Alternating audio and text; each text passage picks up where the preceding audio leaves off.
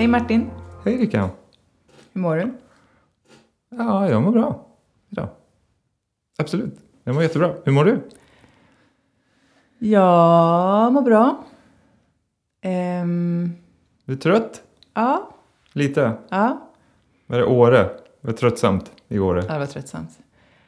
Ehm, nej, men eh, ibland är man bara trött. Ja, det är man absolut. Ehm. Det får man vara. Så, man får ju vara det. Ja, det håller jag på att lära mig. Mm. Att man får vara. Jag har nog eh, historiskt tyckt att det är ganska jobbigt att vara trött.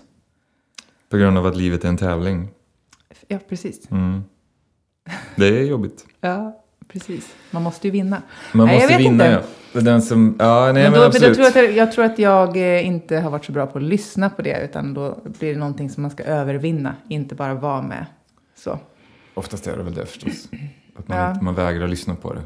Men det, det, det är opraktiskt. Och vara trött, Och ja. vara trött. Ja. Men det är en av de här beteendena, det blir ju opraktiskt att inte lyssna på det också. Ja, ja. Det är helt ohållbart faktiskt. Är liksom... Man kan till och med dö om man inte lyssnar på det. Vilket Ja. är min ingång på dagens ämne. Det känns Ja, jätte, kan, ganska tråkigt att ta ett sånt stort ämne och gå in så. Men det jag tänker att jag gör det ändå. För vi ska prata om döden. Mm. idag. Alla Ehm. helgona och grejer. Ja, alla helgon har faktiskt också fått fråga om det inne i forumet. Ja, okej. Hur man ser på döden. Eh, så att, ehm, ja. Vi börjar egentligen med den så enkel. Vad är din relation till död?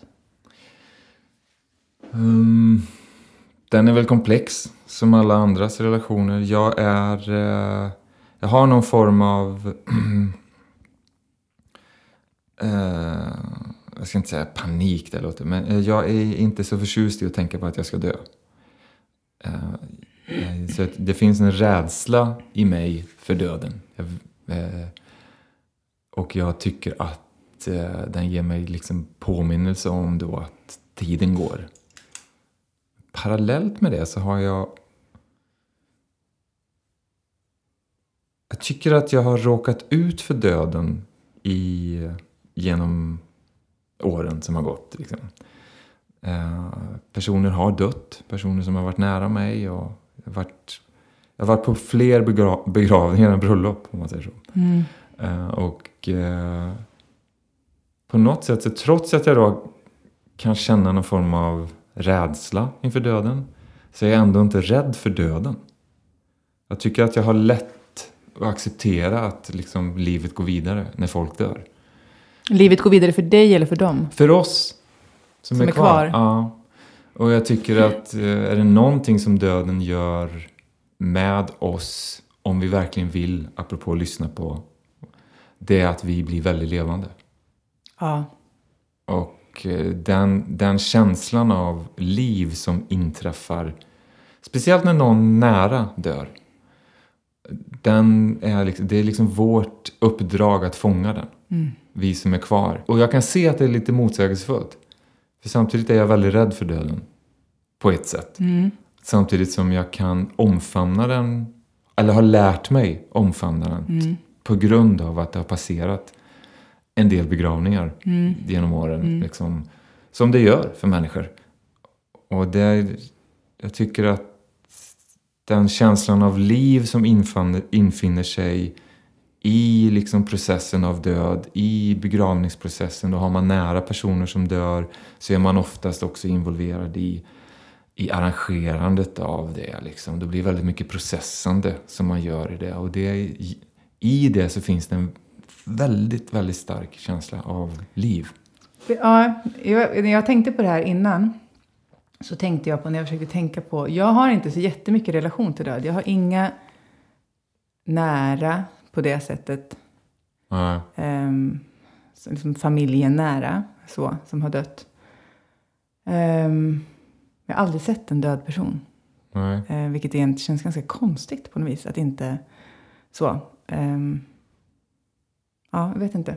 Men jag tänk, när jag tänkte på döden som eh, begrepp innan så vet inte riktigt hur jag kom att tänka på det. Det har ingen aning om. Men då tänkte jag på jag tror att det grep om mig på samma sätt. Att det var därför. För då tänkte jag på i somras så gifte sig min lillebror. Och jag blev helt chockad över hur otroligt berörd jag blev i kyrkan. Varför, eller var du chockad menar du? Nej, för att jag, dels var jag värdinna så jag var ju lite inne i att jag skulle... Liksom, Ja, så här, en jag roll skulle- roll ja. liksom så. Eh, och att jag vet att jag är lättrörd, men jag blev så, jag var så här, det grep tag om mig på ett sätt som jag var bara så här, jag bara grät och grät och grät. Mm, Det är livet. Så. Ja, precis. Och så tänkte jag på den känslan och så kopplade jag till det specifika tillfälle som jag och Martin, min barnens pappa, Mm. förstod att vi skulle separera. Och då är också någon form av död på något vis. Att Förstår du vad jag menar med att liksom så här, det är så här. Liksom. Mm. Eh, och det är också en känsla av liksom så total, så total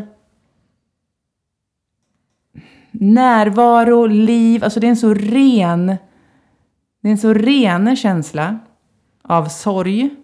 Och om det andra är en så ren känsla av lycka. Mm. Eh, också när jag tänker på döden så är det också en sån här, den är så otroligt liksom bara så här som, inte vet jag, färskt blod. Det bara är så rent så att det griper tag om en och blir nästan samma känsla. Ja, Det är nästan samma gråt på något vis. Ja, absolut. Är, För att den kommer från en helt annan plats liksom. inte, du sa förut att du inte hade sett en död person. Och det är ingenting som man behöver eftersträva att se. Men när man gör det och man står bredvid en person som dör. Mm. Även om det då är första gången. Så är det så intressant att man exakt vet när det händer. Du vet exakt när det händer. Och den känslan, precis i den liksom halva sekunden där det händer.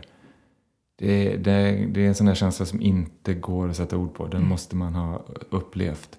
Och den är jättenära, precis det som du säger. Så som jag upplever det i alla fall.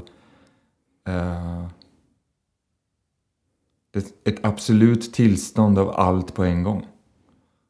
Och jag tror, det, jag tror det är därför till exempel som det är lätt att, att börja skratta på en begravning. Det har jag själv fått. När vi, vi begravde vår pappa så fick jag, jag min, både jag och min brorsa fick skrattanfall.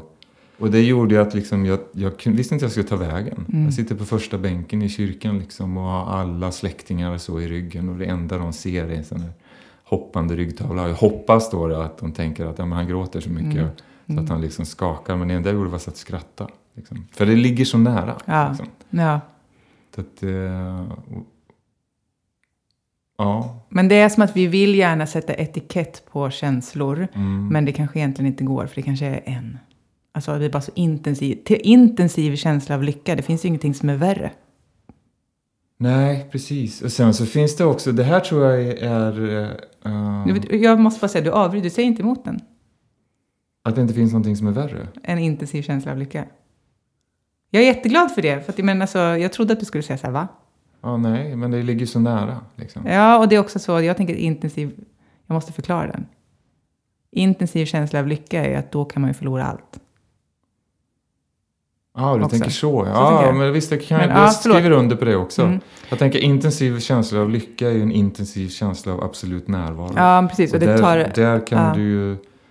eh, där har du ju tårar i ögonen samtidigt som du ler. Mm. Så att jag menar, Mm. den är ju liksom, det är ju Mm. allting på en gång. Det är det jag menar. Men Mm, ja, sant. Mm. Fortsätt. Det som jag tror är lite tabu att prata om eh, när det gäller döden är också den eh, känsla av lättnad som man känner Mm. när en närstående dör. Och den vill man inte gärna sätta ord på för att det blir lite tabubelagt att prata om det. Men den infinner sig också. Och den känslan, enligt min erfarenhet och med personer som jag har pratat om när man väl börjar liksom nysta i det och man delar med sig av att jag kände så här, vad kände du? Eh, är liknande. Den är eh, viktbaserad. Alltså det är en känsla av att du förlorar vikt. Det är, det är en mental lättnad som visar sig som att du blev fysiskt lättare. Och det vill man ju inte gärna prata om när någon närstående har dött, att jag känner lättnad liksom. Är det lättnad för en oro att personen ska dö? Eller är det lättnad om man tänker att det är en förälder över allt som en, liksom en förälder ändå lägger på en fast den kanske inte vill? Men liksom, vad, är det, vad menar du? Är det som... Jag tror att det är både och. Dels så tror jag att döden är absolut, så att det liksom, det är ingen, ingenting värre kan hända Nej. än det. Så nu, det värsta som har hänt har hänt. Mm. Och det finns en lättnad i det som jag tror kan vara vettig att våga prata om. Det, det kan inte hända något värre nu. det blir så liksom. Men också just ju närmare relation man har till personen desto mer eh, alltså mentalt är man ju inflätade i varandra. Man kan ha blodsband och så men man, man har ju liksom en fläta som går i varandra. Och när den personen då avlider eftersom döden är absolut så försvinner den flätan från kroppen. Mm. Och den upplevelsen är fysisk. Det är som att den tårtbiten av den personen som sitter i dig, beroende på vilken rela- relation man har förstås, så kan den vara olika stor. När jag pratar med personer som är lite mer kunniga i, i de här så menar de på att en moder har en större då bit av den här tårtbiten i. En fader har lite mindre men Mm. modern är ju den som har liksom Fött fött dig. Liksom, ja. Så att den, den tårtbiten, och när den försvinner så kan, ersätts inte den. Så den blir liksom som ett tomrum då och det upplevs som en fysisk... Som måste både vara läskigt och skönt. Ja, men det är läskigt också eftersom det är tabubelagt lite. Verkligen märkligt tillstånd att försöka navigera igenom. Mm. För att det är så många sociala regler och normer kring, Kring hur man ska reagera hur på man ska, död. Precis, och hur ledsen man ska vara, hur man ska känna och vad Mm. man ska göra och sådär. Så det kan bli lite att man går vilse i det där. Så det, om jag skulle dela med mig av någonting kring det så skulle jag säga att känn det du känner och liksom var värdera inte det utan det du känner är antagligen det du ska känna. Ja, för dina föräldrar gick bort båda två ganska direkt in på varandra. Ja, absolut. Ja. De gick, det tog eh, tio månader emellan. Eh, men, och mamma Ganska mycket var, vikt. Ja, precis. Mm. Och ma- men mamma var den som gick bort först då. Och den, den känslan av liksom att man lyfter lite viktmässigt, att man liksom börjar, Mm. den tror jag också är någon form av signal till nästa steg av vuxens Ja, speciellt när det är föräldrar. Ja, för när föräldrarna försvinner så försvinner liksom sista frontlinen. Mm. Nu är det bara du. Nu är du längst fram. Mm. Nu är det bara jag liksom. Nu har jag inget. Nu kan jag inte skylla på mina föräldrar längre. Eller nu kan jag liksom inte göra någonting. Så, utan nu är det bara, nu du, står du längst fram på fronten. Liksom. Ja. Och det finns, det finns något skrämmande i det också. Men det finns också en stor sån här, wow, jag växte liksom Ja. ett steg till. Liksom. Livet tryckte upp mig Mm. lite till. Så. så det är min relation till döden. Jag vad heter det, pratade med min mamma om döden bara för några veckor sedan eller två. Eh, hon är ju undersköterska Just det. och har jobbat på coronaavdelning Mm. nu. Och då berättade hon att de hade fått, de får så samtalsstöd. Nu. Som personalen får det? alltså. Ja, precis. Så de har suttit i grupp tror jag. Jag vet inte om de blir erbjudna att komma separat också, men de har suttit i grupp och pratat om det här. Mm. För, och så berättade hon lite om liksom, ehm, de har ju suttit och gråtit liksom, för att när man äntligen får, liksom, nu det, har det ju lugnat sig, de ska börja ta emot, eh, eller operera igen och sådär. Mm. Eh, hennes avdelning, det har liksom varit stängt. Mm. För att det har bara varit corona, nu har det börjat lugna sig och då kommer det ju liksom någonstans. Så. Eh, men hon berättar ju då liksom om hur det är. Alltså så I vanliga fall om någon går bort så gör de ju dem, de gör dem fina, de sätter på dem de fina kläder och liksom eh, så. Och sen kommer anhöriga och liksom Mm. så. Och det finns ju något, det finns, för det finns ju något heligt i att hedra det livet liksom, Mm. som har varit. Och nu, och jag förstår det ju när jag hör det, men nu så, hon, för det sa det var någonting som hon hade tyckt var så jobbigt. Liksom. Att nu eh, är det så här, i och med att det är, alltså det är corona och det är farligt och man vet inte och liksom så, så är ju liksom proceduren att när de dör, Mm. så så snabbt som möjligt så ska, de liksom, ska man dra igen dragkedjan. Ja, just det. Anhöriga får inte komma, ingenting göras med dem utan det är bara så här. Personen är borta, sht, iväg. Man obducerar ju inte ingenting. Som. Nej. Och jag har så svårt att liksom ta åt mig och ta in. För mig är det som att det är så, här, det är så ovärdigt. Mm. Så. Samtidigt som jag förstår att det är ren liksom, säkerhet mot de som är kvar. Alltså, så känns det bara så här, det känns som... Jag skulle vilja säga att det känns som boskap. Jag tycker det är lika ovärdigt där. Det är en av anledningen till att jag inte vill vara med i hela så här... Jag tycker det är ett ovärdigt sätt att se på liv. Liksom. Ehm, Men i det fallet så blir, utan att veta, men i det fallet så blir det ju också Alltså de som fattar de besluten i den... Det är ju inga bekväma beslut. Nej. Men någon som sitter där måste fatta det beslutet. Och då får de ta den smällen att vi tycker att det är ovärdigt. Men de Mm. Ja. måste göra det. För hur ska det göras annars? Måste man ju fråga sig. Precis. Vad är alternativen? Och det är klart att det, det blir inte hållbart liksom. Men Nej. det är klart att det är... Framförallt för de anhöriga förstås. Eh, Jag tror på avslut och jag tror på att... Att försöka... Om det är möjligt så tror jag att man ska försöka möta döden. Mm. Alltså rent fysiskt. Om det är möjligt. Men om det inte är möjligt så får man... Alltså, det är som jag sa, man får bara... Ja, det, man, det, Man får det bara är ju som det är. livet, ja, men precis. enkelt. Det är ju som det är. Men det var bara... Ja, jag, jag vet inte. All sympati till dem som... Hon berättade också om hur hon liksom så här, de få tillfällen som det har varit möjlighet bara fått så här, att man sitter... Jo, det var någon gång hon hade suttit med någon man. För de som kommer till deras avdelning har också varit så dåliga så att man någonstans vet att de ska dö. Liksom. Mm, Eh, och suttit med någon man eh, och bara hållit hans hand. mm, Så. Och hon bara satt där och önskade att hon kunde få ta av sig plasthandsken. ja. För att få hålla hans hand på riktigt. Liksom. Eh, så, så att... Ja, jag vet inte. Jag vet egentligen inte vad jag vill säga med det. Bara att det, liksom, det har varit så mycket död det här året. Ja, Som, absolut. som ju inte har kommit nära en så mycket. Förutom, men jag, min pappa blev ju sjuk. Ja. Då kom det nära mig. För att jag trodde att han skulle dö. Jag var ganska säker. Men Hur kändes det då? hemskt. Dels tyckte jag att det var jobbigt för jag tänkte, för han har varit, gan- haft väldigt allvarlig lunginflammation för några år sedan. Mm. Och verkligen, jag vet att läkaren redan då sa att han har nio liv, det är helt galet att han lever. Han sa också så att hade din pappa rökt eller inte rört på sig så hade han varit död för länge sedan. Mm. Det här är att han lever nu är ett rent resultat av att för pappa alltid sprungit och liksom tagit hand om sig. Så. Men det, med det så vet ju vi om att han har, liksom, hans, han har massa ärrvävnad på lungorna och sådär. Så att han är i riskgruppjärnet. Jag vill ju hinna prata med honom om vissa saker innan han går bort. Liksom. Eh, och det tyckte jag kändes jobbigt. Men han hade nio liv. Precis. Så du kan ju prata med honom nu då. Ja, jag vet. jag tycker att det... Ska, eller ska du vänta till nästa gång? Ja, kanske. Okej. Nej, jag vet inte. Jag ska prata med pappa någon gång. Ehm, det ska jag göra. Ehm, men det, ja, men jag vet inte. Corona.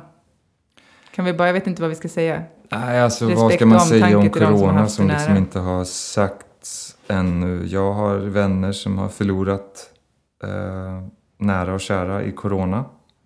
Jag har själv inte eh,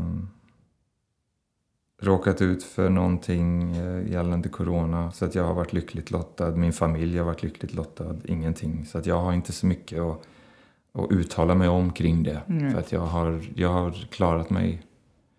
Jag och min familj och mina nära har klarat sig. Men vi får helt enkelt, jag ville bara, jag vet inte. Jag fick en helt annan, större inblick i hur de som har jobbat kring det måste Mm. ha haft det. Och bara, jag Ja. vet att mamma sa också så här, hon bara, om det nu kommer en andra våg, kan några andra ta det? Ja. Då? Måste det vara våran avdelning igen? För jag vet inte ifall vi orkar. Och det är också någonting att liksom tänka på att så här, vad gör vi om de inte orkar? Ehm, så. Men jag vill gå vidare faktiskt från det. Jag vill säga två saker om ehm, det här med att bli vän med sin egen död. ja, det är inte lätt Eh, alltså. Nej, det är inte lätt. Ehm, verkligen inte. Men jag, hörde, jag, har hört, jag har hört två liksom saker sägas om det och båda två liksom grep om mig lite grann. Och det ena var att det går att se eh, döden som, eh, som den där bästa vännen som går vid en sida hela tiden och påminner om honom över livet. Mm. Eh, och det låter ju jättekonstigt att kunna ha det förhållningssättet till döden. Men om man tänker på motsatsen. Tänk om du visste. Om du skulle få ett piller nu Mm. som var så här. Ta det här pillret så vet du att du inte kommer dö. Evigt liv. Alltså är det en fråga till mig? Mm. Lätt. Jag är inte så säker på det. För om man Jo. vet att man har evigt liv. Ja. Då är det inte så att någonstans att det vi gör och anledningen till att men jag vill göra det här nu, att vi får lite så här, det här är viktigt för mig nu, det, så, det hänger ju också ihop med att annars kanske jag inte kommer få göra det. Så, att någonstans evigt liv, jag kan göra det imorgon, eller imorgon, eller imorgon. Ah, ja, okay. Det är som det, att man tappar okay. livsgnistan. Ja, Om nej, döden det... inte finns får livet ingen gnista. Nej, jag håller med om det. Och det för, nu är det ju så att det här var väldigt... För det här pillret finns inte, eller?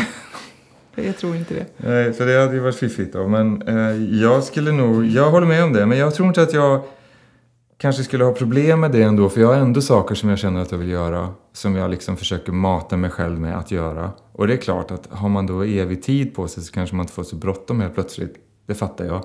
Men det skulle inte vara därför som jag, utan jag skulle nog vilja ta det här pillret för att jag är obotligt nyfiken. Så jag skulle vilja veta vad som händer. Om hundra år, tusen Ja. år.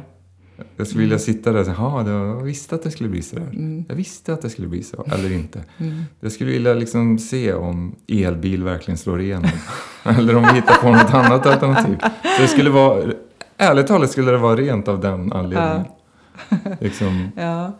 Eh, en annan sak som jag skulle vilja avrunda med, vi kan avsluta med det som en övning då, är att ett sätt att öva på att bli vän med tanken på att man ska dö. För det Mm. är ju faktiskt så att du kanske dör om fem minuter. Vi vet inte. Du kanske dör i natt. mm, Så, eh, nästa vecka. Så. Mm. så kan man öva på att bli vän med sin egen död eh, genom att när man säger hej då till Mm. människor inte säga vi ses imorgon eller vi ses nästa gång eller du vet så. Utan bara vara så här, säga hej då som att det här kanske var sista gången. Hej då, Mm. Okej. Hej då. hej då. Nej men den är ganska bra. Ja. Jag Känn vilja- den lite grann. Ja, men den är bra. Det blir... eh, Den blir väldigt extrem, samtidigt inte, för det är sant. En av mina närma vänner för, eh, försvann i tsunamin i Thailand.